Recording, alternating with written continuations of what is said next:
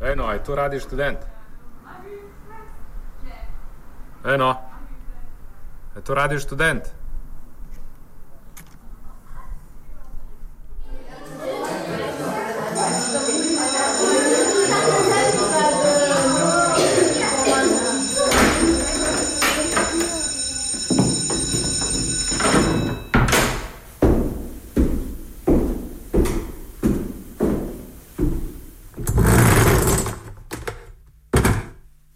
Gostujočimi komentatorji in komentatorkami vsak ponedeljek ob treh sprevračamo katedro Radia Student.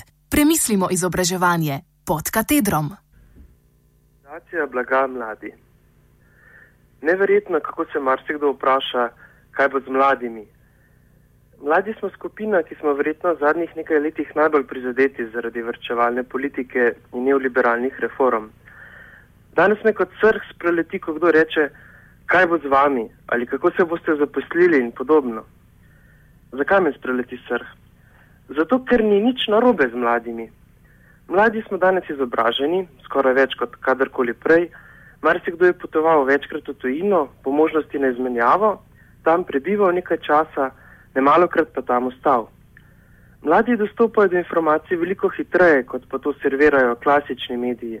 No, čeprav ne letim še vedno na kakšno cvetko, da ni nobenih problemov in da bi morali vse privatizirati ali da je kapitalizem dober, se tako imenovani problem mladih ali da je problem zaposlitve, kakor so to formirali pri sedanji vladi, ni zdajšnji problem mladih. Problem se pojavlja že nekaj desetletij. Statistična struktura po letih kaže, da je mladih vedno več, medtem ko pa je starih vedno manj. Razdelitev bogatstva pa je ravno obratna. Politika jemlje mlade kot blagovni fetiš, s katerim se je potrebno ukvarjati, na njemu delati in to oblikovati v neko vrednost, upajoč, da se bo to dobro prodalo, mogoče celo v stilu dobro blago se samo hvali. Ta human management logika ne samo, da je sprevržena, ampak pove dvoje.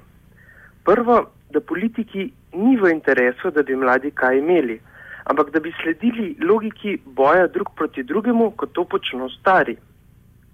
In drugi razlog, da ne bi slučajno sami pogruntali, da se lahko organizirajo in združujejo, ter bi s tem tudi pogruntali rešitev.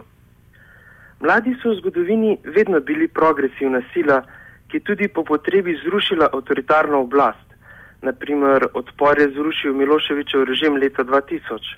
Leta 1973 so študente v Atenah začeli upor proti hunti.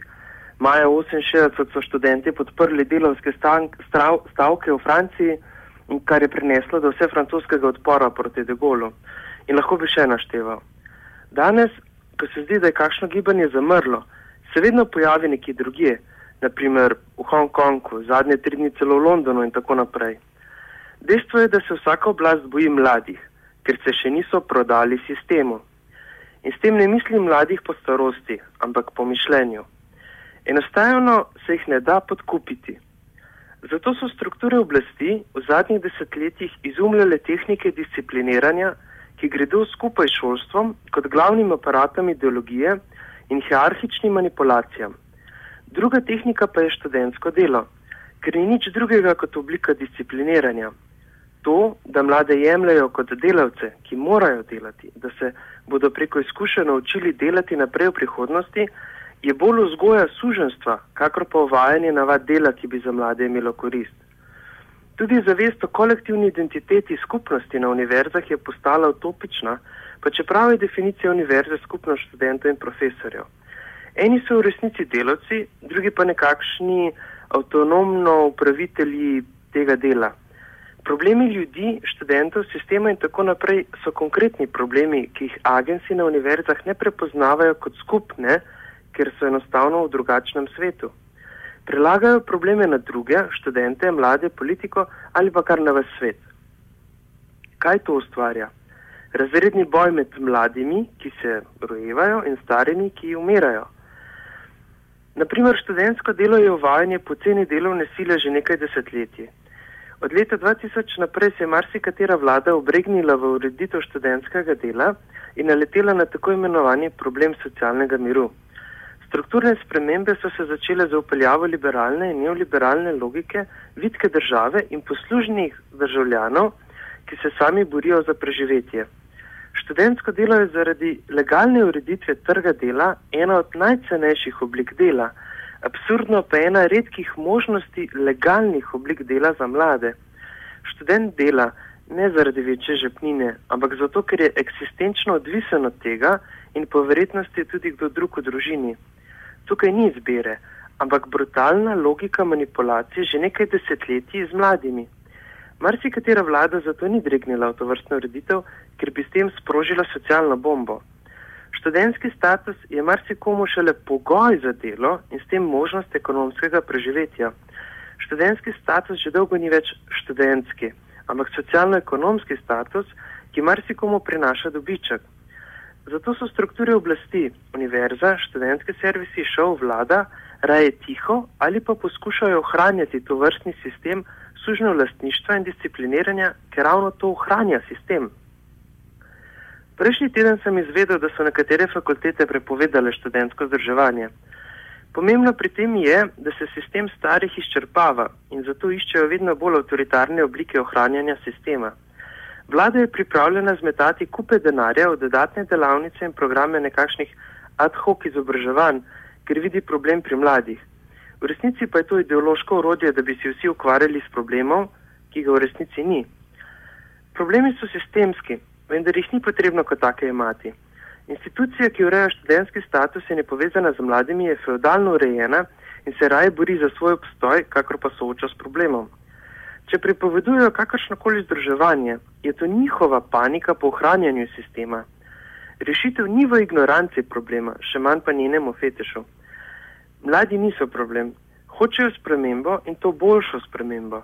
Kdor pa bi raje ohranjal neke tradicionalne odnose oblasti, da bi naprimer država ohranjala intelektualne feude, ohranjala to vrstno institucijo in tako naprej, ne bo trajno. To vrstno stanje, ne glede na to, da so marsikateri boji za javno univerzo ali po njeni avtonomiji, ki prinašajo tudi neko akcijo, so bolj ohranjene statusa quo. Univerza že dolgo ni več javna univerza. Kakšna je rešitev? Seveda ne enostavna. Osnovni smotri so premešani in še daleč ne, in še daleč ne enolični. To se pravi, da bi elite na univerzi in v politiki radi hierarhijo ohranjali, torej avtonomni status študentov, kar je v resnici delavstvo brez smezde, prekarjat, ki bi bil disciplinsko poslušan in vsi ostali tlakojemalci, to se pravi servisi, študentska organizacija in država.